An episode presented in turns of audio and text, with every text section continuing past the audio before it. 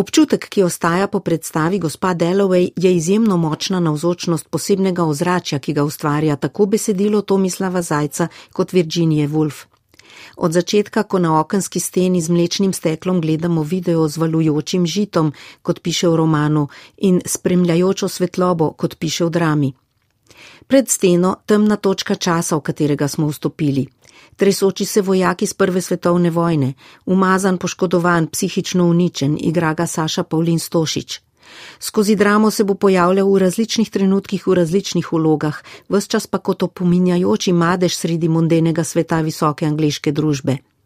O njej piše in tudi je njen del gospa Dalloway alias Virginia Woolf v dnevu, ko pripravlja zabavo.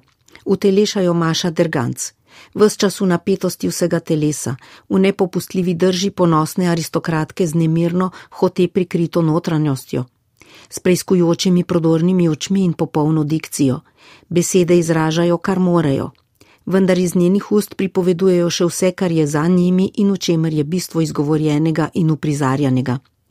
Verjamemo ji in sočustvujemo z njo, potisnjena je v čas, ki je še vse kaj drugega kot to, kar pravi ta ura in koledar trajanje, je rekel temu sodobnik Henri Bergson. Te in še neskončno drugih plasti se je uspela čudežno dotakniti sinočna predstava, v kateri so nastopili še Saša Tabakovič kot vojak Smith z neznosno bolečino v sebi, Uroš First kot gospod Dalloway, Saša Mihelčič kot Smithova žena, Vojko Zidar kot zdravnik, Gorast Logar kot prijatelj gospod Dalloway in Iva Babič kot njena prijateljica.